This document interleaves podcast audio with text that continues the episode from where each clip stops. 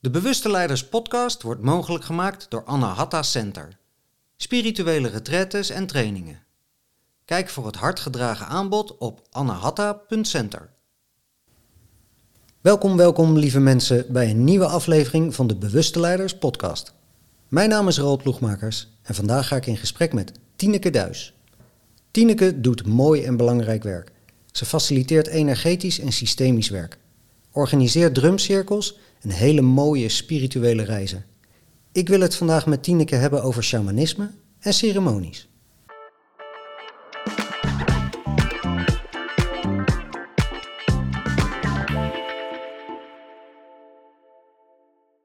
Vind je dit een mooi gesprek? Deel dan de link met vrienden en bekenden en geef dit gesprek een duimpje of een aantal sterren. Alvast bedankt. Welkom Tineke. Welkom. Fijn dat ik uh, met je in gesprek mag. Ja, heel leuk dat je de uitnodiging uh, aanvaarde. Leuk dat wij elkaar spreken en wij kennen elkaar al een tijdje. En ik heb een aantal mooie sessies bij jou mogen beleven, waaronder twee met mijn kinderen. En mij leek het heel tof en waardevol voor de luisteraar en ook voor mezelf om met jou het te hebben over het mooie werk wat je doet. Jij bent shamaan. Ja, zo noem ik mezelf dus niet. Ja. Ja, voor mij is dat best wel een punt. Ja. Ik, ik merk dat veel mensen hier in Europa zich shamaan noemen. Ja. Voor mij voelt het kloppender om te zeggen, ik werk shamanistisch. En ik vind de, de titel bijna shamaan, een eretitel, die gegeven wordt vanuit een inheemse gemeenschap Mm aan degene die zij verkiezen tot shamaan. Die zij verkiezen tot shamaan. Mhm. En dat is voor mij een hele andere beweging als dat ik mezelf shamaan zou noemen. Ja. En noem je het dan shamanistisch werk? Ja, Oké. ja, ja. Nou, helder. Dankjewel. Um, nou wordt dat shamanistisch werk, als ik het dan zo noem, uh, snel in een alternatief hoekje gedrukt. Mhm. Voor de mensen die niet weten uh, wat shamanisme of shamanistisch werk is, uh, kan je daar een toelichting of een uitleg over geven? Ja, wat ik, uh, het, het, grappige is dat het voor mij juist zo heel concreet en alledaags is. Dus het heeft voor mij heel erg te maken met in verbinding leven. In verbinding met um, zeg maar het ritme van zon en maan, de Mhm. seizoenen, uh, de, de wassende maan, de volle maan, de afnemende maan. Um, in verbinding ook uh, zeg maar met dat wat geweest is, mijn voorouders, degene die mij zijn voorgegaan en degene die eventueel na mij komen. In verbinding met wie ik ben, maar ook in verbinding met Moeder Aarde. Mhm. Dankzij uh, haar kan ik leven, hè, kan ik eten, kan ik zijn. En in verbinding met uh, groot mysterie met de grote geest of de bron, of hoe je, hoe je het ook maar noemt. Spirit, ja. Ja, dus het heeft voor mij heel erg te maken met een soort uh, ritmische cyclus. Hè. We werken in het shamanisme ook wel met het medicijnwiel, Mhm. waarbij eigenlijk alles cyclisch is. Hè, we worden geboren als baby in het oosten, we groeien op in het zuiden. Dan komt de ouderdom in het westen en aan het eind van het westen laten we het leven los. Reist onze ziel naar het noorden. Wacht daar tot er weer een nieuwe cyclus kan beginnen. Een nieuwe incarnatie in de oost. Maar op dat medicijnwiel zijn natuurlijk allerlei cycli denkbaar. Mhm. Dat is ook als jij uh, op een gegeven moment besluit... goh, ik wil een volgende stap zetten op mijn carrièrepad... of in mijn persoonlijke ontwikkeling. Elke nieuwe stap is altijd oost. Okay. Dus in verbinding met het oosten kun jij een nieuwe stap maken. De volgende fase is dat die stap uh, gaat laten zien uh, hoe dat tot groei en bloei kan komen in Zuid. Dan komt er een tijd van oogsten. Wat heeft het je nou gebracht? Dat je geïnvesteerd hebt, dat je dingen hebt gedaan, dingen anders bent gaan doen. Je oogst in West. Mm-hmm. En dan ga je weer een lege tijd in in Noord. Noord is echt de tijd ook van winter, van stilte, van rust. He, de akkers die eh, vlak liggen totdat er weer gezaaid gaat worden in Oost. Ja, naar binnen keren. Ja, naar binnen keren zeker. Dus het heeft voor mij heel, heel erg te maken met in verbinding leven, net voorbij de dagelijkse realiteit van, van elke dag. Mhm. Dus het geeft voor mij ook heel veel verdieping aan mijn leven. Oké, en hoe uitzicht dat in jouw werk?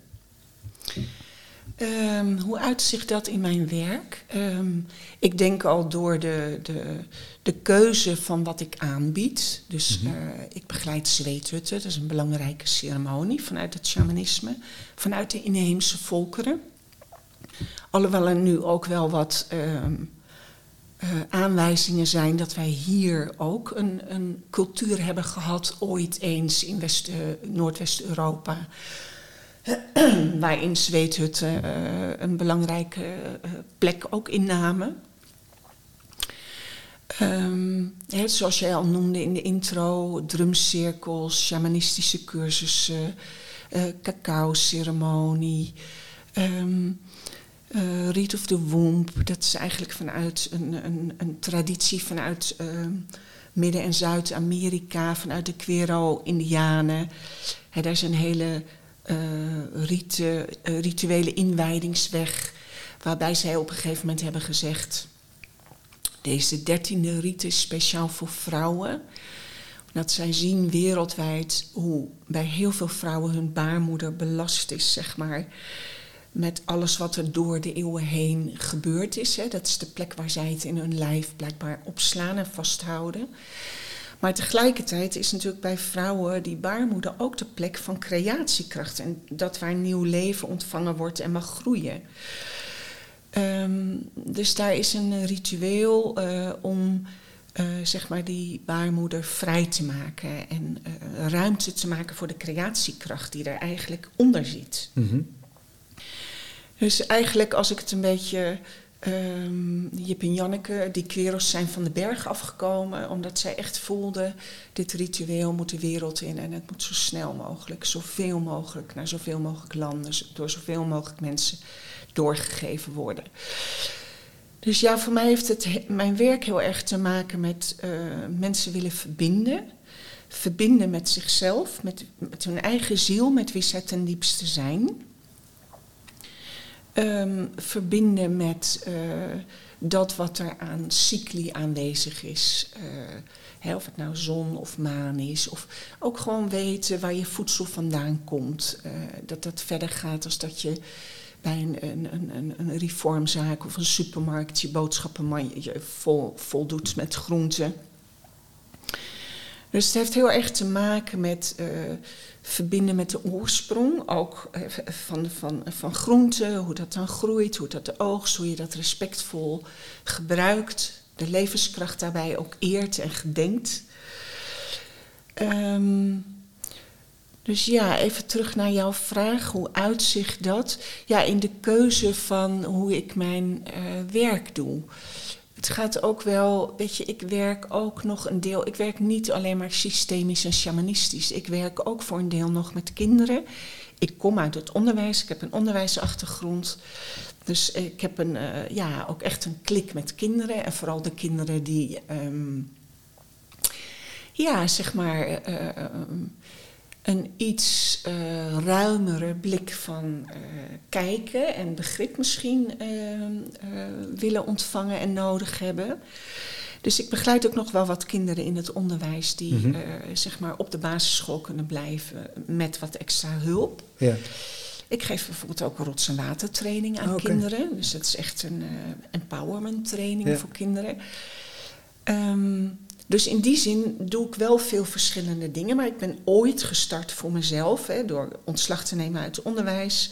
Te voelen van, goh, ik heb echt nieuwe stappen te zetten op mijn pad.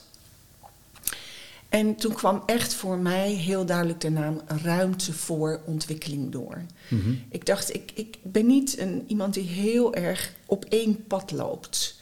Ik wil dat stukje onderwijs ook nog. En ik vind het ook fijn om eh, dat rots en water te doen met die kinderen.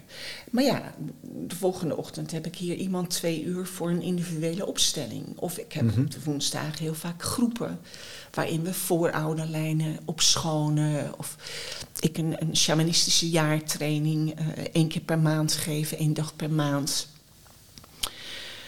Dus ja, het, het, het, Heel ehm, divers. Ja, het is heel divers en dat is toch ook wie ik ben. Ik ben Ja. ook een soort generalist, heb ik het gevoel. En het houdt het voor mij afwisselend, het houdt het ehm, fris. eh, weet je, steeds weer het nieuws. Ik, soms zeggen mensen ook wat tegen mij: My god, hoe kun je dat allemaal schakelen? Ehm, ik heb er geen moeite mee, dat is me ook maar gegeven. Ja. Maar dat maakt het eh, voor mij dus heel eh, avontuurlijk. Ja. Nou ja, goed, in het onderwijs moet je sowieso natuurlijk aardig schakelen met alle, alle Zeker. dingen. Dus dat zou je wel gewend Zeker. zijn. Zeker. Ja, en ruimte voor ontwikkeling, dat is ook de naam van jouw praktijk en, Ja. en je website. Ja. Ehm, dus voor de mensen die dat interessant vinden, op eh ruimtevoorontwikkeling.nl kan je eh Tineke haar aanbod en werk zien, wat ze allemaal aanbiedt. En je hebt een dag besloten om uit het onderwijs te gaan. Ja. Hoe was dat proces voor je? Hoe lang doe je dit al, dat je dit faciliteert? Ja, ja. Ik denk nu, ik ben er nooit goed in jaartallen onthouden. Ik denk ergens rond 2006, 2007. Oké. In ieder geval toen heb ik me ingeschreven bij de Kamer van Koophandel. Ja. En ehm, dat shamanistische pad, daar ben ik echt op eh, geleid, begeleid. Je had toen nog hier in Vierhouten had je een eh, groot festival. Eh, door de man die eh, zeg maar in Frankrijk, in de Elzas, ook een centrum heeft. Mhm. Ehm, en ik zou daar eigenlijk met iemand naartoe, die, die moest terugstappen. Dus ik ging alleen. Dat gaf mij daar ruimte om volkomen mijn eigen stroom te kunnen volgen. En ehm, ik kwam daar voor het eerst eh, op vrijdagavond. Nou, ik zag allerlei mensen met papiertjes over dat hele grote terrein draven. Ik dacht, oh, blijkbaar moet je iets doen. Misschien moet je je wel inschrijven. Maar ik had eigenlijk helemaal geen zin om daar meteen zo in die energie mee te gaan.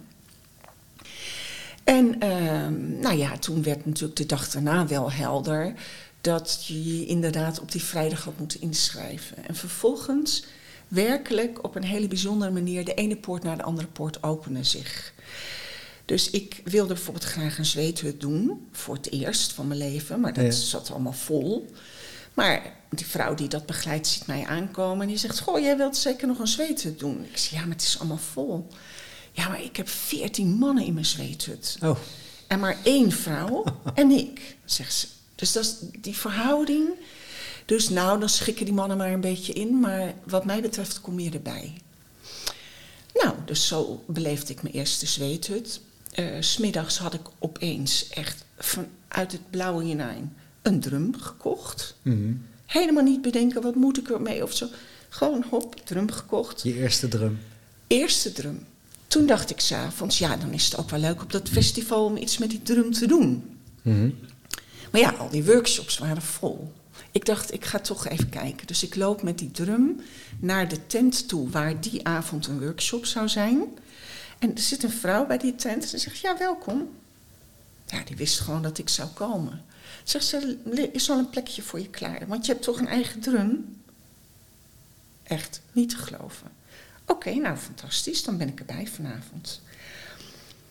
Ik ben erbij, we staan te dansen, ik ben aan het drummen en ik weet nog dat een jonge vrouw mij mevrouw noemde. Dat vond ik ook wel confronterend. En dat ze zei, maar mevrouw zoals u, hè, dat je al twintig jaar drumt, Ja. dat wil ik ook. Ik zei, lieve schat, ik heb voor het eerst een drum in mijn handen.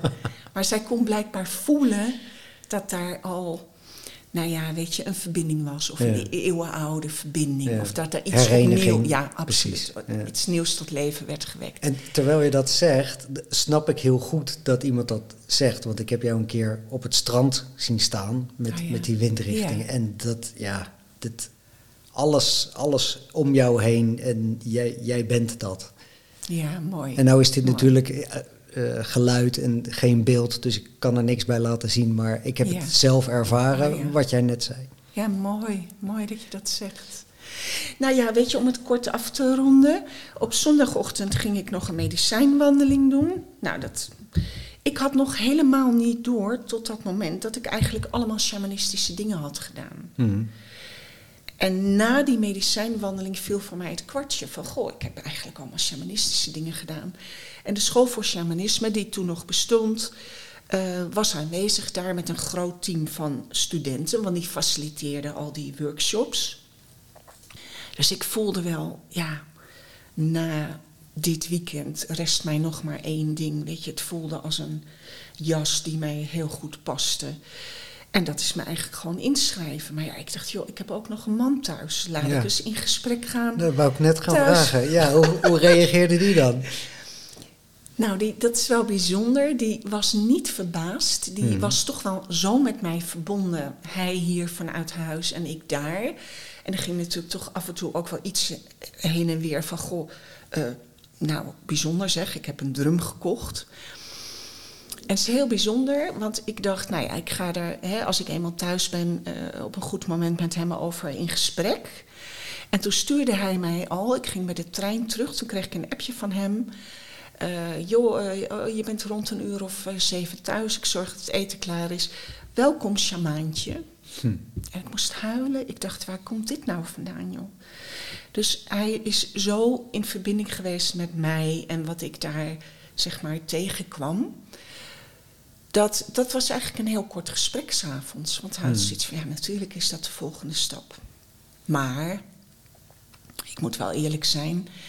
eh, in die periode daarna hebben we natuurlijk ook wel met elkaar gesproken over... dat hij zei van, joh, maar dan ga je dus een heel scholingspad. Hè, die opleiding eh, aan de school voor shamanisme was vier jaar... Ehm, ja, ik kies daar niet voor, in ieder geval niet Mhm. op dit punt in mijn leven. Dus gaan wij elkaar blijven verstaan? Gaan we elkaar blijven begrijpen? Kunnen we, kan ik in verbinding blijven met jou? Dat zijn natuurlijk ook wel reële vragen als de een zo'n eh, beslissing neemt. Ja, en dat is eigenlijk, want dit is natuurlijk inmiddels aardig wat jaren terug. Hè, misschien eh, we het over iets van 17 jaar, 15 jaar. Mhm. Ik heb geen idee, zoiets. Ehm, ja, dus eigenlijk is dat geen. eh, ik, ik denk dat hij in wezen eigenlijk ook heel spiritueel is. Mhm. Er niet voor kiest in dit leven om daar eh, stappen in te zetten. Maar eigenlijk heel goed snapt, zonder dat ik het heel volgen. veel. Ja, hij kan me heel goed volgen. Hij snapt Ja. eigenlijk heel goed wat ik doe. En het is soms wel eens zo, dat, dat is afgelopen week nog gebeurd. Eh, ik had vorige week dinsdag hier een vrouw voor een opstelling. Ehm, en zij zei van joh, mijn ouders hebben. Mijn moeder heeft op achtjarige leeftijd moeten kiezen tussen wonen bij haar vader of haar moeder, want haar ouders gingen uit elkaar. Mhm. Zij wilde graag bij haar vader blijven. Maar dat betekende automatisch ook dat zij geen contact meer zou hebben met haar moeder. Hm. Haar moeder leeft nog. Maar zij had dus van haar moeders lijn, dus haar moeders moeder, haar oma, haar overgrootmoeder, nul informatie. Want ze zegt, ik weet eigenlijk niet eens de achternaam van mijn oma. Hm. Dus ik kan er ook niks vinden op internet. Dus ik zei, joh, we gaan gewoon die opstelling doen en we, we kijken wat daarin wil gebeuren. En hè, het veld eh, zal het laten zien wat er gezien wil worden. Daar vertrouwen we op. En het werd een prachtige opstelling. En twee dagen daarna, dat was op dinsdagochtend, op donderdag, appt zij mij. Ze zegt, joh, wij zijn benaderd door de Rijksvastgoeddienst, nooit van gehoord. Er is ergens een zus van mijn oma en daar een kind van, Ja. eh, die nu overleden is. Daar is een erfenis, want er is iets van een woning. Of, en die is eh, in de, de stamboom gedoken, heeft zes kantjes informatie. En zijn dus nu, vandaag, ze had het op donderdagochtend op de, op de mat gekregen, de brief, bij mij uitgekomen. Dus ik heb nu al mijn informatie uit mijn vrouwelijke lijn. Dat is bizar. nou ja, dan dat kan je zeggen, Ja. ja. dat is toeval. Nou, Ja. wie weet. Ja, nou ja, ik zeg altijd, toeval bestaat niet. Weet je, Nee, het is... eh, Dat is toch heel bijzonder. ja, energie toont zich op het moment Ja. dat de omgeving er klaar voor is. Ja. Mooi is dat. Ja. Magie eigenlijk. Het hè? is magie. Ja. Het is magie. Dat wetende veld wat er is, zowel met het systemisch werk als met het shamanistisch werk. Eh, je kunt het ook spirit noemen, je kunt het de bron noemen, eh, je kunt het God noemen als je gelovig bent. Een wetend veld, zoals Bert Hellinger het ooit genoemd heeft. Geef het een naam. Ja, wou ik zeggen, het, het- what's in a name? Maar het is, er is een heel groot wetend veld waar wij eigenlijk op aan kunnen sluiten.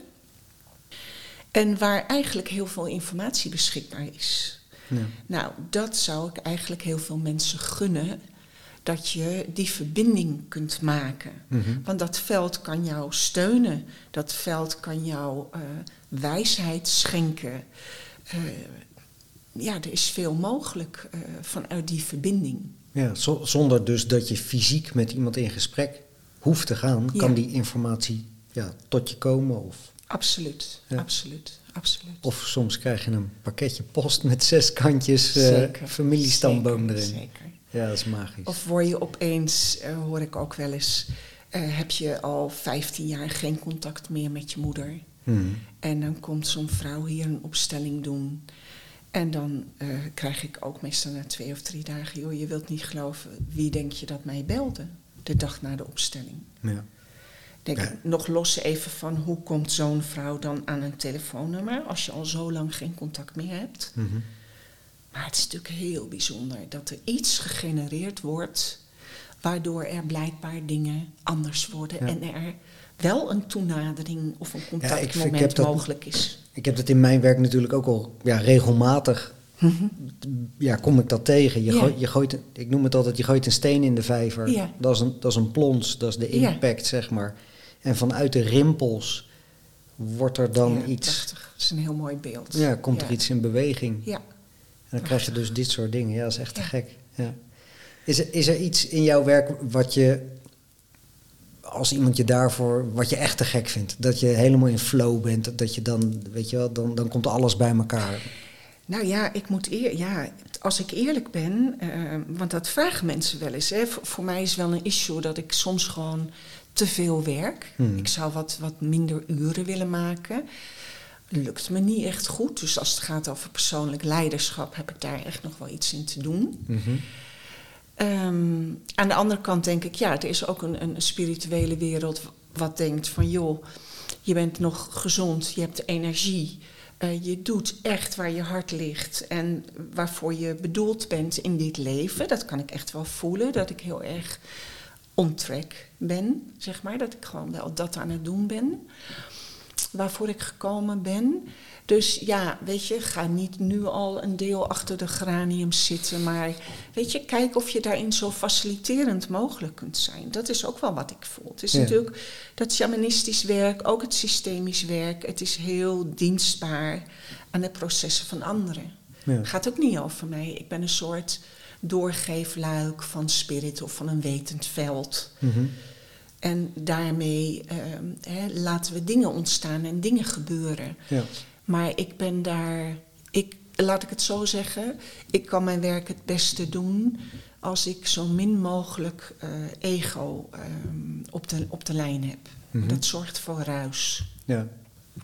En ik vind het zelf ook heerlijk om, ja, noem dat maar, in die nul staat, in dat niet weten, in dat eigenlijk alleen maar open zijn Overgave. overgave Ja. voor dat wat zich wil laten zien. Ik vind dat zelf ook een heel prettig veld om te zijn. Ja. Dus eigenlijk alles wat ik vanuit dat veld kan faciliteren, Mhm. dat is eigenlijk wat ik het liefste doe. Ja. Maar ik ga niet heel erg gericht op zoek of ik zou dit nog wel eens willen of dat nog wel eens. Weet je, ik, ja, ik ben beschikbaar. Weet je, spirit knows. Ik ben Het komt, beschikbaar. komt op je pad of Absoluut. niet? Dan Net, net zoals dit gesprek. Echt, Ja. zo. Ja, dit gesprek is Ja. eh, eh, voor de luisteraars eh, eh, binnen een aantal dagen geregeld. Soms heb ik twee of drie maanden van tevoren al een afspraak gemaakt. Maar dit was een, dit was een ABC'tje. En eh, binnen een week zit ik bij, bij Tineke aan tafel. En dat is superleuk. Ja. En ehm, ik ben hier wel vaker geweest, want ik ben hier ook met eh, eh, mijn twee jongste zoons ben ik hier geweest voor een, eh, voor een transreis, krachtdier ophalen. Ja. En wa- wat, wat is daar de magie van, of de kracht van om, om zoiets te doen? Mijn kinderen waren toen volgens mij vier en vijf. Volgens mij was Luc 4 en Ja. Guus 5 toen ja, ik hier bij Luc jou was kwam. in ieder geval vier, ja. Ja, Ja. en, en wat, wat is daar de toegevoegde waarde van om al met eh, kinderen, krachtdieren, eh, spiritualiteit... eh, Ja, ik denk eigenlijk, hè, ehm, als je helemaal terug zou gaan naar de geboorte, denk ik dat ieder mens als spiritueel wezen wordt geboren. Ik denk Mhm. dat een, je kan toch soms ook wel hebben als je naar een baby kijkt, dat je denkt, wow, weet je, wat een wijs gezicht. Of soms wordt het ook wel eens gezegd, goh, wat een oude ziel. Of, Ja. Dus iets kun je dan wel voelen van wat zo'n kind meebrengt of waar het mogelijk vandaan komt. ja, het is eigenlijk puur bewustzijn. Ja, Ik vond dat, eh, Ja. ik weet niet of jij die podcast hebt geluisterd, maar dat was van Jorn Luca met Anna Verwaal. nee, ja, Anna van Waal. Ja, ja, ja, de- geweldig uitgelegd. Ja, dus di- dikke, dikke luistertip. eh, Jorn Luca, Anna Verwaal. Ja. Helemaal mee eens. Ja, ik eh, was heel erg geboeid ook door, eh, door het verhaal van Anna Verwaal. Heeft, dat heeft me geraakt ook. Ik heb het vrij recent eh, beluisterd ook. Ehm, dus ja, ik denk een mens komt als spiritueel wezen, maar dan, ja, weet je, dan gaan we incarneren, dan, dan is er een lijfje en dan op een gegeven moment moet er van alles. En in hè, ons systeem moet er helemaal van alles, want dan moeten we eigenlijk al naar een peuterspeelzaal met drie en is er een kleuterschool met vier en Moet je op een krukje gaan zo maar door. Ja, ja, ja. Ehm, eigenlijk is ons schoolsysteem natuurlijk ook nog van echt lang geleden. Daar is natuurlijk wel in de marge hier en daar wat Mhm. veranderd, maar natuurlijk niet wezenlijk, niet, Nee. wezenlijk, niet wezenlijk. En er zijn nu veel kinderen die daar toch ook wel echt tegenaan lopen, die Mhm. daar eigenlijk zich niet goed toe kunnen verhouden. Maar even terug naar jouw vraag. Wat, dus wat eh, maakt het voor mij dan zo mooi?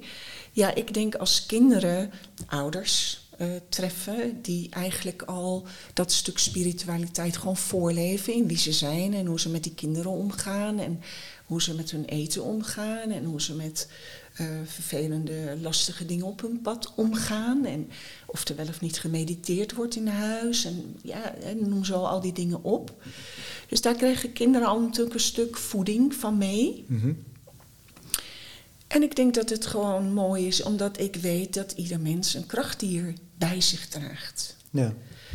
En ehm, ja, als je echt al als kind, kijk, jullie zoon is echt de jongste geweest. Dat was voor mij ook spannend, dat ik dacht, joh, zou dit kunnen met een kind van vier? Ja. Weet ik ook niet, hè? Nee. Gaan we het proberen, gaan we zien. Ja.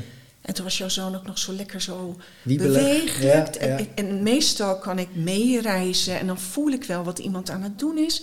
Dat lukte me ook niet helemaal bij hem. Dus ik dacht, joh, ik heb het gevoel dat hij erin zit en dat hij aan het reizen is. Maar klopt dat wel, weet je Mhm. wel?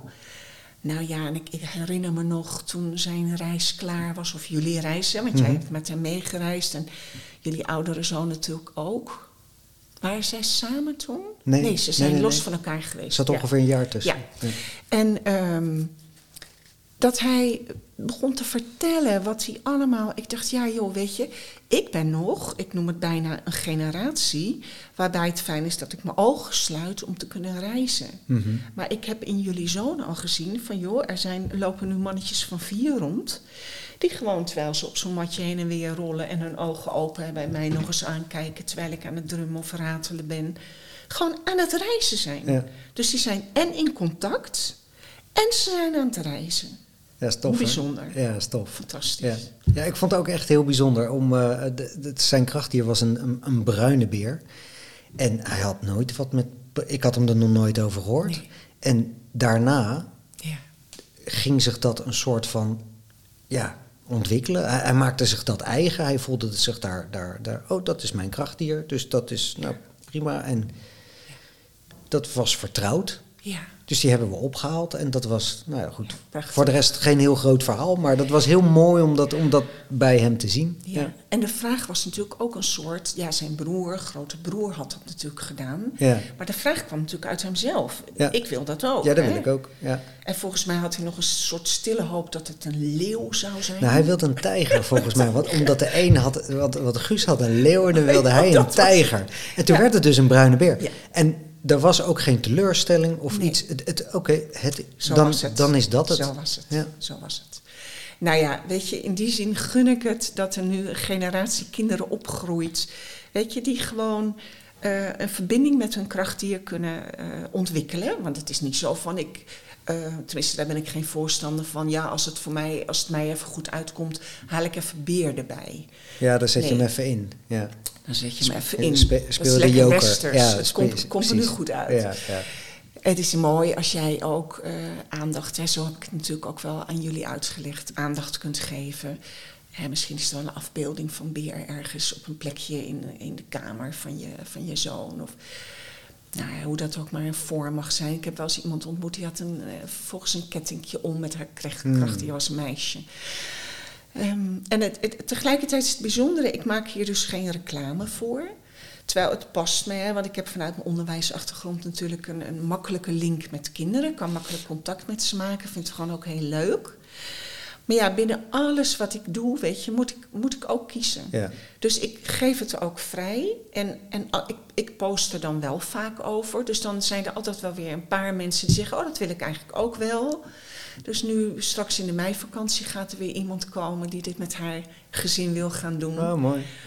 Dus er is altijd weer iets van spin-off, maar ik, geef er, ik, ik doe er geen PR op. Nee, nee. nee. En er is nu wel iets aan het schuiven in mijn bedrijf. Heeft ook wel een beetje te maken met het feit dat ik besloten heb om mijn groepsruimte op te zeggen. Per 1 juli ga ik dat doen. En eh, dat is nu een plek waar ik veel flexibiliteit heb. Dus ik kan daar ook s'avonds zijn. Ik, de woensdag is sowieso mijn vaste dag. Ik kan daar ook op zaterdag naartoe als ik wil. Dus dat zorgt ook dat ik daar op zaterdag kan drummen en op, eh, op een avond iets kan doen of een, of een basiscursus. Dus dat zorgt ook dat ik veel doe. En nu heb ik eigenlijk besloten om echt iets meer te gaan focussen. Dus echt op, eh, dat past ook bij mijn leeftijd, vind ik, om ook een soort stokje door te gaan geven. Ja. Dus ik heb een shamanistische basiscursus en jaartraining. Die ga ik continueren. Dat wil ik echt nog een aantal jaren doen, als het me gegeven is. En ik wil ook mensen systemisch op gaan leiden. Dus nu, komend jaar, najaar, ga ik daarmee starten. En dat betekent wel dat ik in het andere stuk eh, eh, stappen terug ga zetten. Ja. Dus ik, ik verwacht, ik zal het nog eens, zo'n drumcirkel zal ik af en toe buiten gaan doen, gewoon lekker in de zomer aan zee, als ik er zin in heb. Mhm. En dan plaats ik een oproep en wie komt, komt en die drumt lekker mee. Ehm, maar niet meer zoals ik dat nu maandelijks structureel doe. Ja. Dat ga ik loslaten. Er zijn echt een aantal dingen, ook de cacao-ceremonie. Er zijn er nog twee of drie te gaan tot de zomervakantie. Ja. En dan ga ik dat misschien nog eens een keer lekker in de duinen organiseren. Maar niet meer de, ehm, dat wat ik nu een aantal jaren heb gedaan, omdat met echt regelmatig, Mhm. dat gaat een andere vorm eh, krijgen. Oké. Ja, nou, mooie keuze dan toch? Ja, Ja. ja. dat is hoe het nu kloppend voelt. Ja. Ja, En dan zeg je cacao. ja. Want dat is ook een vraag die ik jou wilde stellen. Eh, cacao is een hartopener. Ja. Dus het is niet alleen maar een, een, een reep chocola of eh, weet ik veel. Maar Het lijkt zelfs niet eens op een reep nee, chocola. nee, nee, nee. De- Qua smaak ook niet maar eens. ook, ook de ene cacao-ceremonie is de ander niet. En de, Nee, de bereiding ook Ja, klopt. verschil, verschilt Klopt. heel. Ik weet, jij maakt hem vrij eh, eh, puur. eh, Mhm. wat, wat, wat zwaarder, wat dikker, zeg Ja. maar. En wa- wat, wat doet cacao? Nou, cacao, kijk, jij noemt al, dat is waar het als plantmedicijn, zeg maar, eh, naar ons toe is gereisd, hè, vanuit het Inca-shamanisme bijvoorbeeld. Het is hartopenend. De, de Maya's zeggen, het is het water wat door het hart stroomt, de cacao. Ehm, maar weet je, ik ben ook gewoon heel nuchter en zeg ook, als je gewoon kijkt naar de voedingswaarde van de rauwe, nou heb ik het echt over biologische, handgeplukte cacao, zit vol met mineralen. Het is een, het is een van de grootste magnesiumbronnen. Maar dan heb je het wel over cacao. eh, eh, De ceremoniële cacao. Die hoeveel dus, procent is dat? Ja, 100 Oh, dat is gewoon puur Ja, er zit, rauw. Is, is puur rauw. Smaakt ook bitter. Mhm. Eh, is natuurlijk niet gezoet. Dus in die zin doet het niet aan een... Hè, dus mensen hebben soms wel eens een verwacht Geen melkchocola, van... eh, geen paaseitje. Nee, dat, dat, dat. dus dan zie ik zo'n slok nemen en echt ook even dat ik denk... oh ja, weet je, ik snap wat er nu gebeurt. Ja. Ehm, Jij gooit er nog wel eens een sinaasappeltje door. Ja, ja, ja, Dat is ook een soort geheim recept van kruiden die ik toevoeg. Maar ik ben inderdaad ook wel van de, van de sinaasappelelolie. Ehm, en zo nog wat kruiden. En ik zoet het wel iets hoor, met wat uh, agave. Of, ja. Ehm, niet, je, niet je hele receptprijs geven. Nee, nee alhoewel. Ach. Dat komt in het kookboek van Tineke. Ja, ja, ja, zo. Nee, maar ehm, het, het, het, is dus eigenlijk ook gewoon heel uh, voedzaam voor je lichaam. Ik merk zelf ook dat het reinigend is. Ik merk altijd de dagen daarna dat ik... Ja, nog. ik heb al niet een hang naar zoet of naar dingen, weet je wel. Maar dan, dan ben ik zo.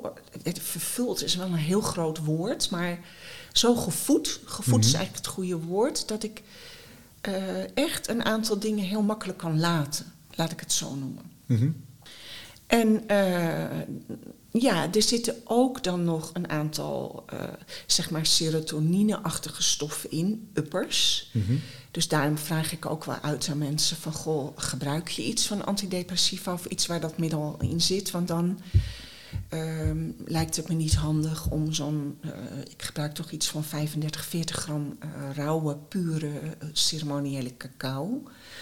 Uh, om dat erbij te gaan gebruiken. Want dan kun je die balans natuurlijk wel verstoren. Mhm. Dus um, het is ook gewoon qua product, weet je wel. Ik merk ook wel mensen die er gewoon heel chill van worden. Die zeggen van, oh, weet je, het is ook fijn om, uh, het helpt me ontspannen. Of, uh, dus ik sluit de cacao-ceremonie ook altijd af met um, een, een, een zeg maar, soort klankenconcert. Uh, waarbij iedereen gewoon heerlijk ligt. En dan heb ik wat klankschalen en wat drums natuurlijk. En, en, mijn stem, weet je, ik channel ook wel klank in afstemming met spirit. Dat doe ik ook trouwens als er soms heling nodig is. Bij groot trauma in mijn systemisch werk mhm. pak ik mijn drummer bij, stem ik af en dan laat ik klank door me heen gaan. En dan wordt eigenlijk ehm, dat trauma um, uh, doorleefd, zou ik bijna willen zeggen. Waardoor we verder kunnen met de opstelling. Want trauma kan natuurlijk heel erg bevriezen. Mhm. Dus echt nog in de tijd van hellingen werd er ook wel gezegd... ja, dan moet je bijna de opstelling daar afronden. Mhm. En um, ja, ik heb nu vanuit de praktijk gewoon gemerkt dat je daardoor weer verder kunt. Geef er maar juist energie aan. Ja. ja. dus dat is het laatste stuk eigenlijk altijd van mijn, uh, van mijn ceremonie. En um, ja, wat ik, het is wel mooi dat jij zegt van joh, je hebt, ja, er zijn heel veel mensen tegenwoordig die een cacao-ceremonie organiseren. Soms ook met blauwe lotusdruppels erbij of in een andere vorm. Uh, ja, prachtig vind ik het. Dat het mhm. zo uh, zijn weg vindt, haar weg vindt. Ik vind het wel vrouwelijk, weet je. De spirit van cacao is voor mij wel vrouwelijk. Een soort vrouwelijke godin, mama cacao. Mama ja, het komt toch ook uit moeder aarde? Ja, het komt uit moeder aarde, zeker. Um, en voor mij is wel alles wat ik in ceremonie doe. Ik merk wel, voor heel veel dingen wordt soms het woord ceremonie uh, mm. gebruikt. Maar dat is dan niet helemaal wat ik zelf voel bij een ceremonie. Voor mij is een ceremonie echt dat je een bedding maakt met elkaar. Mm. Dus je bent altijd sowieso heel erg verbonden. Terwijl nu merk ik ook wel eens, joh, er zijn hele grote events en mensen komen van heinde en ver samen, een paar honderd man, en we hebben een ceremonie. Dan denk ik, nou, dan heb je een hele goede verbinder nodig aan het begin, die een ceremoniële bedding kan maken, waarin mensen zich allemaal kunnen verbinden met zichzelf, met elkaar en met spirit. Want anders is het voor mij wel een soort meeting of event, maar geen ceremonie. Dus dat is dan wel, weet je, waar voor mij een soort onderscheid nog kan liggen. Dus voor mij gaat het wel heel erg over uh, dat je als groep, uh, ja, dat je in een ceremonie sowieso de ruimte krijgt aan het begin om in jezelf te zakken, te verbinden met jezelf, werkelijk te verbinden met elkaar. Je veilig te voelen, absoluut belangrijk. Daar ben ik natuurlijk heel belangrijk in. Mm Um, zodat mensen zich werkelijk kunnen ontspannen en dat wat er is ook de ruimte durven geven. Ehm, dus dat wat er boven komt in zo'n cacao-ceremonie, als we bijvoorbeeld een transreis maken, of als we nog een ritueel doen, of eh, als mensen heerlijk van dat klankbad eh, liggen te genieten. Maar ja, dat genieten kan ook alle kanten op. Want het kan ook zijn dat je aangetikt wordt door spirit. Van joh, ga eens wat doen. Of kom eens in beweging. Of is niet altijd alleen maar chill liggen. Nee. Het kan van alles gebeuren. Kunnen angsten aangeraakt worden. eh, Noem maar op. Ehm, dus ja, dat dat, dat, dat, dat, dat eh, er kan zijn, dat dat er mag zijn voor degene met wie het gebeurt. En dat het zelfs, in die zin vind ik ook, dat is ook shamanistische praat, praatstok. Mhm. Ehm, dat Talking het ook stick, Ja, dat ja. talking stick. Dat er ook gedeeld kan worden daarover. Ik vind het ook altijd belangrijk als een ieder een moment heeft waarbij je kunt delen. Ehm, al is het eh, op zijn minst aan het einde. Welke reis heb je gemaakt in deze ceremonie? En Ja. hoe, hoe ga je weg? Wat gaat er met je mee? Ja. Jij zei net geluid Ja, en drummen. ja. En ehm, wat doet geluid dan? Waarom gebruik jij klankschalen, drum, vibratie, Ja, zang? interessant hè. Eh, Het bijzondere is dat ik dat natuurlijk al dit soort dingen nooit, dat is nooit een besluit met mijn hoofd geweest. Mhm. Ik merk dat de dingen zich heel erg een soort voltrekken of aandienen. Of ja, ik kan dat niet zo goed. Weet je, opeens was ik bij een cacao-ceremonie en voelde ik, ik wil hem doorgeven. Zo, zo is het gegaan. En dan ga je natuurlijk wel voorbereiden. Je gaat afstemmen. Hoe gaat zo'n ceremonie dan eruit zien? Hoe ga ik dat vormgeven? En, ehm, en toen voelde ik wel, oh ja, ik wil echt eh, afronden met een klankbad. Nou ja, hing er een klankklokje in ons vorige huis al bij de deur, dus dat had ik nog. Ehm, wij zijn ooit op huwelijksreis geweest, eh, 35 jaar terug naar Nepal. Hebben toen een aantal klankschalen gekocht.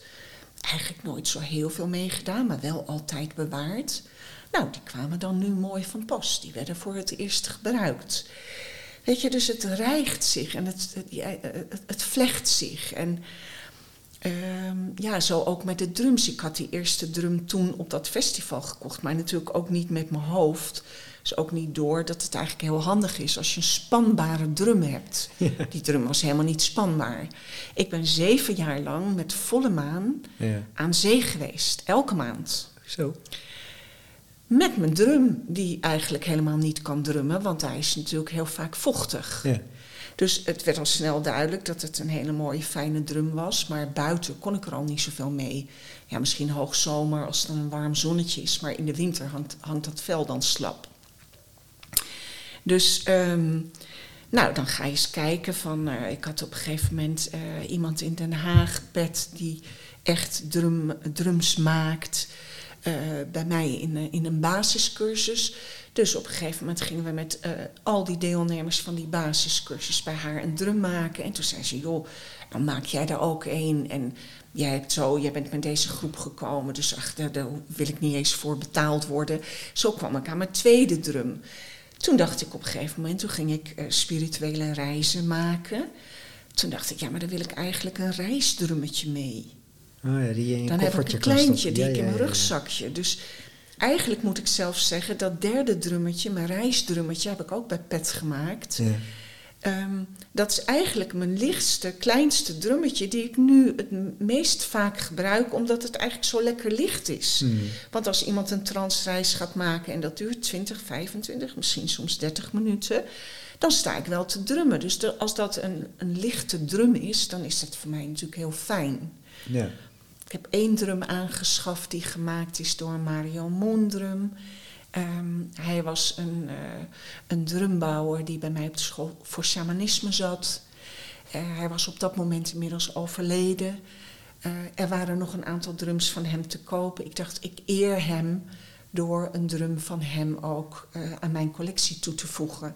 Dus het fijne is dat ik nu zo vijf, zes drums heb. Dus als ik dan een drumcirkel heb, kunnen daar ook weer nieuwe enthousiaste mensen gewoon proberen op een drum van Ja, mij hoe het is om te drummen. Ja. En welk, welke klank past dan een beetje bij, bij me? En, want iedere drum is natuurlijk wel anders. Iedere drum is anders. Dat is magisch. Ja. Dat ieder vel en natuurlijk ook het hout een andere klank geeft.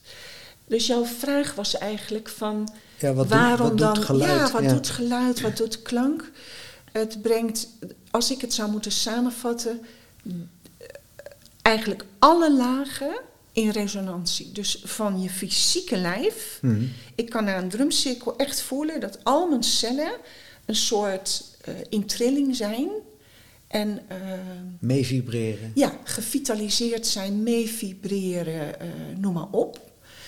Ehm, maar ik voel dat ik ook de ziel raak. Want met dat die klanken doorkomen, hè, door mij heen, Mhm. Eh, ja, eh, gebeurt er van alles in de opstelling. Ik zie het dan niet, want ik ben dan even eh, helemaal in alignment, helemaal afge- Ja. afgestemd. Maar ik hoor natuurlijk dat iemand dan opeens geluid kan geven aan het trauma. En dat er opeens wel hard gehuild kan worden of geschreeuwd kan worden. Of wat er ook maar nodig is om beweging te krijgen in dat trauma wat zo verstarrend heeft gewerkt op dat moment. Dus ik heb het gevoel, en in die zin voelt het voor mij ook als een oeroud medicijn al vanuit het shamanisme. Mhm. Maar denk ik dat het ook een, een healing manier is van nu en later, toekomst. Ik denk dat we heel veel kunnen gaan helen en genezen ehm, door te klinken, door met geluidsfrequentie en ook met kleur trouwens. Met kleurfrequentie en geluidsfrequentie te gaan werken Mhm. als helende middelen voor ons hele systeem. Ja. En dat zou ik ook prachtig vinden, want het is en oude wijsheid. Mhm. En ehm, ik denk als we kijken ook gewoon naar, eh, wat mij betreft in ieder geval, hoe ik kijk naar de westerse geneeskunde en medicatie. En ehm, ik ben heel dankbaar voor mijn gezondheid. Ik moet ook zeggen, ik doe daar ook wel het een en het ander voor, qua voeding en hoe ik leef. Ehm, maar ik denk dat er ook een stukje geluk eh, bij komt kijken. Dat je gewoon geboren wordt met een, een goede stevige constitutie. Ehm, dus ik heb eigenlijk nog nooit in mijn leven van geneesmiddelen gebruik hoeven maken. Mhm. Gelukkig. Ja. Want als dat op mijn pad zou komen, ehm, ja, dan zou ik benieuwd zijn hoe ik me daartoe zou verhouden. Hoe het dan zou voelen. Ja. Eh, dat wordt dan altijd weer een soort nieuw keuzemoment. Ja.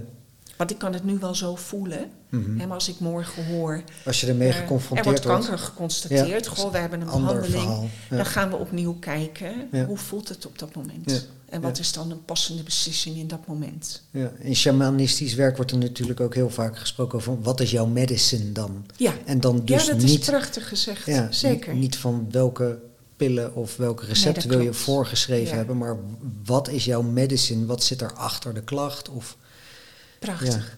Ja, het, het, het zou mooi zijn als je zo zou kunnen kijken. eh, hè, zo, zo, zo kijk je ook shamanistisch, dat iedere ziekte een verstoring is van de balans, van Hmm. een balans. Dus je kunt op zoek gaan naar wat is er nodig, welk medicijn, in de ruimste zin van het woord, om die balans te herstellen. Dat kun je doen bijvoorbeeld door met een medicijnwiel te gaan werken, daarin te gaan liggen. Of een medicijnwiel wat er ligt, je daarmee te verbinden. Ehm, maar het kan ook zijn dat je afstemt op je eigen systeem en misschien klank maakt Hmm. voor jezelf. Of dat je, dat is een heel simpel, eh, dat doe ik vaak in mijn basiscursus als heel simpel waterritueel. Dat is dat je een glas met water hebt en dat je voelt wat er eigenlijk nodig is. Woorden zijn ook frequentie, Hmm. beelden natuurlijk ook. Dus je kunt onder jouw glas met water kun je het woord leggen of een beeld waarvan jij het gevoel hebt dat jouw systeem dat nodig heeft. Ja. Het kan Oh, kracht zijn of Ja. moed of juist ontspanning of overgave Ja. of de- bedenk maar. Het water neemt die frequentie op tijdens de nacht. ik Dus vind dat, ik, heb jij wel eens, de, dat is een Japanse... Emoto? eh, emoto, ja, Ja. precies, die naam die zocht ik. Ja, met, met die speakers en die geluiden in die wekpotjes. En dat dan fantastisch. Ja, dat is een super mooi voorbeeld. Als je, als je benieuwd bent wat dat, wat dat dan is, zoek even op YouTube. is een filmpje over Ja. dat eh, eh, potjes en daar wordt muziek en klank en woorden. En dat water beweegt daarop. Ja, eh, ja, reageert daar letterlijk op, wordt eigenlijk gewoon geladen. Ja. Zou je het wel kunnen Ja. zetten. Door de intentie of door de vibratie die wordt Hij meegegeven. heeft het ook allemaal vastgelegd hè, met fotografie. Dus als je eh, eh, kristallen hebt, zeg maar, en je zet eh, rockmuziek of klassieke muziek, of eh, je spreekt liefdevolle woorden of juist eh, nare woorden, eh, dan kun je zien hoe die waterkristallen zich groeperen. Wat Ja. er gebeurt eigenlijk. Andere vorm ook. Ja. Alles is energie. Ja. Alles is energie. En eigenlijk werk je daarmee binnen het shamanisme. Ja, en hoe komt het dan toch dat we daar eigenlijk, want als alles energie is, dat we daar zo ontzettend onbewust op zijn? Dat als alles energie is, dat, Ja, ja, ja. ja dat is heel interessant. Hè? Wat er gebeurd is, waarom een groot gedeelte... Hè, want er zijn natuurlijk nog mensen die wel in contact zijn met die, Mm. met die wijsheid, noem ik het maar. Eh, of met die informatie, die kennis. Ehm, ja, wat is er gebeurd dat ook een groot gedeelte daarvan weg is gegaan? Ik weet het niet. Ik weet wel dat voordat de wereld eh verchristelijkt werd, ehm, er allerlei samenlevingen waren die eh, eigenlijk gewoon shamanistisch leefden. Shamanistisch leven gewoon in, in afstemming met de natuur, Mhm. met rituelen, ehm, met dit soort medicijnen. Ehm, en toen is de kerk gekomen en die heeft daar heel veel van overgenomen. Ehm, eigenlijk ja zei en de er net even een andere, een andere twist aan gegeven. ja, ja, absoluut, absoluut. Wij, wij weten wat goed is voor jou. Mhm. Dus eh, ga niet meer je eigen rituelen doen, eh, maar kom biechten bij pastoor. En Mhm. eh, ja, zo kun je natuurlijk van alles nog. Ik denk dat wel met de ver- ver- verbreiding en de verspreiding van het christendom eh, heel veel van dit soort kennis ook wel ondergronds is gegaan. Zoals Kataren, Tempeliers. eh, de- Absoluut. ja. Absoluut. Ja. Ook heel veel, heel veel vrouwen natuurlijk, Mhm. mannen ook wel, Mhm. die eh, hier natuurlijk de, de wijsheid en kennis hadden eh, in de tijd van de hekserij, kruidengeneeskunde, eh, noem maar op. Ehm, ja, die, er zijn er natuurlijk honderden, duizenden die het de kop heeft gekost. ja, vermoord, verbrand, Absoluut. opgehangen. Zeker. Dus er is ook wel veel repressie geweest op eh, dat er dit soort informatie levend was bij mensen. Want eigenlijk, hè, als je werkelijk zo leeft, kun je eigenlijk ook een soort goed voor jezelf zorgen. Ja. Je zorgt goed voor de aarde, aarde zorgt goed voor jou. Je zorgt goed voor jezelf en je medemens, die zorgen goed voor jou. Ja, weet je, daar is iets in gekanteld. En vervolgens heeft dat systeem zich natuurlijk, nou ja, als een soort waterhoofd bijna zou ik willen zeggen, doorontwikkeld. Mhm. Hè, tot da- daar waar we nu zijn gekomen. ja. En het is natuurlijk nog maar een paar jaar geleden dat de homeopathie, eh, dat, dat er, waar het eigenlijk, waar de middelen voor bedoeld zijn, dus de oude wijsheid, dat het niet meer vermeld mag worden op het... eh, Waar het voor is. Waar het voor is. Dat is eigenlijk heel bizar. Hè? Dus zelfs nog in deze tijd, weet je, Nou ja, juist Ehm, in deze tijd heeft Big Pharma dus zo'n ontzettende vinger in de pap dat, dat ze dat gewoon kunnen sturen. Ja, klopt, klopt, klopt. De toenmalige minister van Gezondheid, waar dit toen is besloten, eh, haar partner, weet je, had daar ook natuurlijk wel belangen in. Belangen. Ja. ja, Belangen, dus dat is belangen. natuurlijk, we zijn ook in een maatschappij van ja, tegengestelde belangen. Weet je, het, het, het belang van moeder aarde verhoudt Hmm. zich niet altijd heel makkelijk tot een economisch belang. Nee. Maar Daar dat is ook niet waar het om kiezen. gaat. Ja, maar dat is oké. ik vond dan Dukken Sant in zijn podcast die zei van ja, weet je, eh, de, de elders zeggen we hebben, we hebben moeder aarde te leen. Ja, Weet je wel? prachtig We- beeld. En zo is het ook. Weet je, Ja. we, we mogen het gebruiken Ja. en, en het voedt ons en het geeft ons dit. eh, alles wat we nodig hebben. Ja. Ja. En ja, mijn optiek is dat we ontzettende roofbouw op moeder aarde plegen op het moment. En dat is ja, ja. dat is niet houdbaar. Dus die, daar zie Niet je natuurlijk houdbaar. ook een, een shift in. Ja, eh, in ehm, ja, dus la- in, in plaats van, en dat is mijn overtuiging, of het waar is of niet, maar in plaats van dat we eh, eh, overal maar windmolens en dingen neer, ne- neerstampen met grote betonvoeten, laten we eerst eens gewoon stoppen met het regenwoud te kappen. Ja, ja, er is heel veel. Met de eh, longen van de, van, van de aarde. Ja, zeker, zeker. En als we veel meer terug zouden gaan naar een kleinere schaal. eh, het Tilly Post zei het ook in een van jouw podcasts, naar lokaal en duurzaam, Ja. biologisch. Eh, ja, we halen onze groenten ook hierbij rechtstreeks. Dat is hier van de biologische boeren in Zuid-Holland. Ja. Dus je hebt weinig transport. Betekent wel dat je grotendeels eet wat de bodem en het seizoen biedt. Hè, ik kan niet even Nee. lekker een tomaatje snoepen. Nee, want maar die dat groeit is toch. pas in de zomer ja. weer. Maar dat is. Dat, weet je, we zijn zo gewend dat alles altijd maar beschikbaar is. Bijvoorbeeld de avocado's, de gemiddelde avocado, die komt uit Californië. Ja. Die groeit daar en Ja. dan wordt die daarna duizenden kilometers hier naartoe getransporteerd. En dan vraag ik me af: oké, je eet geen vlees omdat je het niet die belasting wil doen. Ik eet zelf ook geen, ge- geen vlees. M- Maar dan eet je wel Ja. twee kilo avocado's in de week, die uit Californië. Dat Ja. is het ene inruilen voor het andere. Dus daar mag wat mij betreft dan ook wel wat bewustzijn op Ja, komen. klopt. En ik denk wat er aan bewustzijn vooraf gaat, is informatievoorziening. Mhm. Ik denk dat er heel veel informatie. Het begint nu wel te komen, steeds meer. Dat wij als burgers of consumenten of inwoners van Nederland of wereldburgers. Of de wereld, ja. hoe je het noemt. eh, dat we in ieder geval op zijn minst wat meer informatie krijgen over waar zo'n avocado vandaan komt.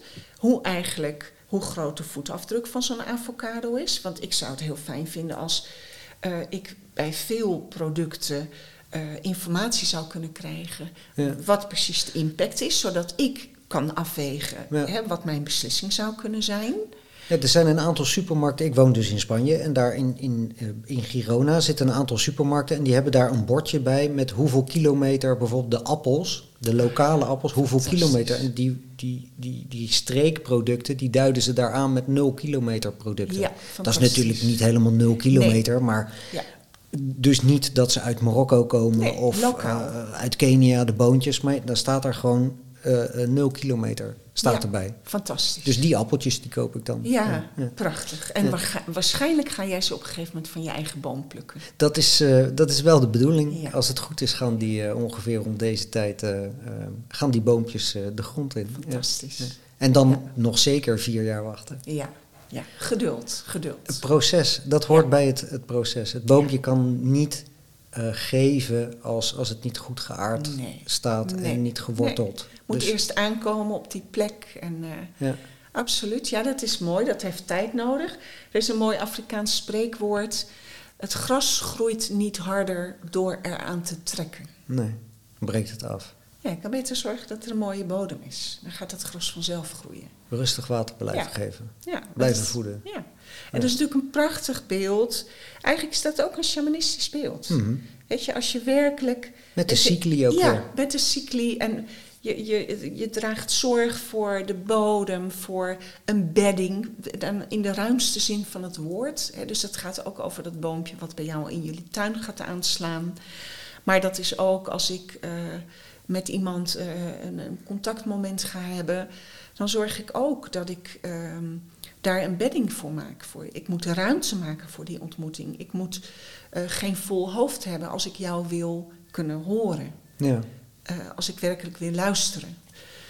Ehm, dus ja, daar, daar in, de, in, in de voorwaardelijke sfeer zorgen dat je eigenlijk de dingen, zoals wij ook zeg maar eh, de poorten hebben geopend, spirits hebben uitgenodigd, dat er in dit gesprek langs mag komen. Wat er langs mag Ja, komen. wat er Ja. langs mag komen. Ja. Los even van ons als twee persoonlijkheden. Mhm. Ja, leuk. En wat er, waar ik ook nog bij jou benieuwd naar ben, want eh, jij, je zei net al, eh, eh, ik heb een klein reisdrummetje. Ja. Want, want jij neemt mensen, neem, neem jij mee op reis naar krachtplekken, spirituele plekken. Suzanne is een keer met jou mee Ja, op reis mee geweest. Ja, zeker. Ja, dat is, ja, dat is ook zo. Oh, dat is ook echt. Dat is ook allemaal ontstaan. Ik bedenk dat dan niet dat ik dat dan wil doen. Ik ben op een gegeven moment met Tom van der Kroon in Jeruzalem. In, ehm, eh, met hem op reis. Ik was met hem mee. Want Israël trok en ik voelde dat ik dat met Ton wilde doen. En we zijn op een gegeven moment, die reizen van Ton zijn. Ken je Ton van Nee, der Kroon? nee, nee, Oh, nee, ja. nee. Nou, ik zou hem zeker ook een keer als gast in jouw podcast Ik willen ga horen. opschrijven, ja. absoluut. Ehm, die reizen van Ton gaan eigenlijk ook altijd heel over als wij allemaal proberen leeg te zijn en een soort open te zijn voor wat het universum van ons wil, dan doen we allemaal precies wat er nodig is en alle puzzelstukjes passen in het geheel. En dan gebeurt er uiteindelijk ook precies wat er moet gebeuren. Mhm. Zowel voor ons als deelnemers op persoonlijk niveau of onze eigen ontwikkeling, maar ook op de krachtplekken. De plekken waar we werken, waar we zijn. En ik was op een gegeven moment, de groep was een soort uitgewaaierd. We zouden naar die Maria Magdalena kapel, die is ook maar één of twee ochtenden per week open. En ehm, eh, ik, op een gegeven moment voel ik, ik, ik moet door nu. Ik moet tempo gaan maken. Mhm. Dus ik heb nog wel toestemming gevraagd van joh, eh, wat normaal wacht je even tot je als groep compleet bent en dan ga je naar binnen.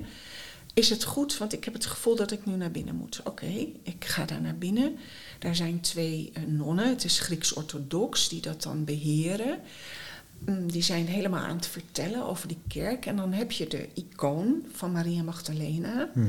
in het midden met helemaal zo'n afgeschermde eh, draad, zeg maar. Dus dat mensen schuifel, schuifel, erlangs, Er langs erlangs, gaan. erlangs en dan weer eruit. Dat is een heel klein kerkje.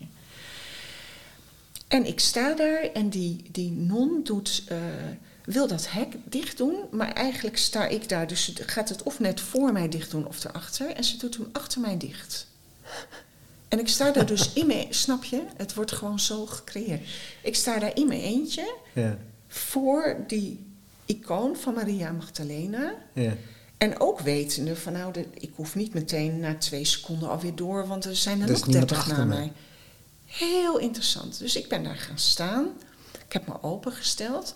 En de eerste vraag die toen kwam is: Ben jij bereid om op 21 juni, ik denk dat wij daar in, in de meivakantie waren, ben jij bereid om met 21 juni, had te maken met de geboortedag van Johannes de Doper, een groep mee te nemen naar Katarenland? Nou, ik heb gezegd, eh, er is altijd veel bereidheid als het de bedoeling is dat ik dat doe. Maar ik ben er zelf nog nooit bewust geweest. Dus laat ik eerst eens beginnen met Katarenland zelf te ontdekken. Mhm. Dus die zomer daarna zijn Ron en ik samen naar Katarenland gegaan. Krijg ik werkelijk mensen op mijn pad die mij daar de grot, inwijdingsgrotten van de Kataren, die moet je weten, die staan Ja. niet in een reisgids. Je hebt iemand nodig die weet hoe je daar komt. Ja, zijn, Robert Bridgman is er ook fan van. Ongetwijfeld. Neemt hij er, met een retret en neemt hij er ook mensen mee. Absoluut. Ja. Als je de plek natuurlijk eenmaal weet. Ja, maar als je die plek niet weet, Nee, ga dan kom je ga er niet. Nee, ga je hem ook niet vinden. Nee. En dat Dus- willen de mensen daar ook echt zo houden. Ja, en eh, fantastisch ook, denk ik. Ja, wees, wees er zuinig op. En ehm, eh, nou ja, dus er kwamen allemaal mensen op mijn pad. Dus toen werd voor mij ook wel duidelijk: oh ja, weet je, ik word nu zo geleid. Het is echt wel de bedoeling dat ik hier mensen mee naartoe ga nemen. Dus het jaar daarna ben ik met een kleine groep vrouwen naar Katarenland gereisd. En hebben we daar echt een, eh, ja, echt een magische reis met elkaar gehad. Ja. Echt voor de vrouwen zelf ook in hun ontwikkeling, maar ook de Montsecours en alle plekken waar we zijn geweest. Ehm, ja, heel bijzonder geweest. Maar het is dus dan niet zo dat ik denk, nou, dan doe ik dat volgend jaar weer en het jaar daarna weer, weet je. Nee, je hebt dat, geen reisgids. nee, dat is me dan gevraagd en daar ben ik dan en dan is het ook weer klaar. Het mooie was wel dat een van de vrouwen die toen mee was tegen mij zei, ik voel dat er voor mij nu echt een oproep ligt om spirituele reizen de wereld in te brengen. Nou, dat doet zij inmiddels vol ornaat. Ja. Ik ga in het najaar waarschijnlijk met haar mee naar Egypte. Ehm, dus zij is eigenlijk het jaar daarna, heeft zij een soort, nou ja, wel haar eigen reis gemaakt. Maar zij is echt wel naar de plekken gegaan ook weer met een eigen nieuwe groep. Waar ik hun mee naartoe had genomen. En eh, zo gaat dat dan toch weer door. Nou ja, En toen ben ik op een gegeven moment naar Glastonbury gegaan. Ja, dat is wel iets wat ik nu ook weer komend september ga doen. Omdat ik voel, dat is naast al het andere werk wat ik doe... is Glastonbury heel makkelijk te bereizen. Mhm. Weet je, het is allemaal... Je hebt niet echt vervoer nodig. Ja, als we naar de steencirkel van Avebury gaan... Nou ja, dat, daar kan ik dan een bedrijfje voor inhuren. Maar ter plekke kunnen we heel makkelijk langs al die krachtplekken... Dus ja, dat is, dat is, dat is easy going. Ja. Dus dat is voor mij ook fijn. Weet je? Ja, En zeker natuurlijk met coronatijd. vertelt, ja, ik zie je dat er iets gebeurt. Ja, er zit een vrouw helemaal in de element Ja, tegenover me. Ja, Ja. easy going. Ja. dus ik denk wel, weet je, als je echt helemaal misschien in mijn hart zou kijken. je- Jij vroeg natuurlijk eerder van waar zou je helemaal op aangaan? Mhm. Misschien wel op alleen maar spirituele reizen organiseren. Waarbij je ook ceremonies doet en van alles nog wat. Maar ik heb gewoon ook een partner. En ik heb ook twee dochters hier. Dus ik heb ook het gevoel Nou, misschien, van... eh, misschien moet je het een keer komen doen in Spanje, in ons Anahata Center. ach, ja, Hoe klinkt dat? Nou ja, fijn. Want Heb je je eigen week? Ja, fantastisch. Fantastisch. Het zou zomaar een keer kunnen, Roland. Het Ja. zou zomaar een keer kunnen. Ja, mooi. Mooi. Nou, leuk. Ja, ik vind dat eigenlijk wel een mooie afsluiter. Nou, fantastisch. Ja, Tineke, super bedankt voor dit inspirerende gesprek. Jij ook, dankjewel voor Dank de ontmoeting van hart tot hart. Zo heb ik het gevoeld. Nou, mooi. Dankjewel. Vind je dit een mooi gesprek? Deel het dan en abonneer je op het Bewuste Leiders podcastkanaal. Zo mis je geen aflevering. Dank voor het luisteren en tot de volgende keer. Bewuste Leiders heeft een mooi aanbod. Een retraiteweek in het Spaanse Catalonië. Een week voor mensen die een transformatie of doorbraak willen maken. Die hun eigen leiderschap willen terugpakken en meer richting aan hun leven willen geven. Klinkt dat interessant? Kijk dan op www.bewusteleiders.nl slash aanbod.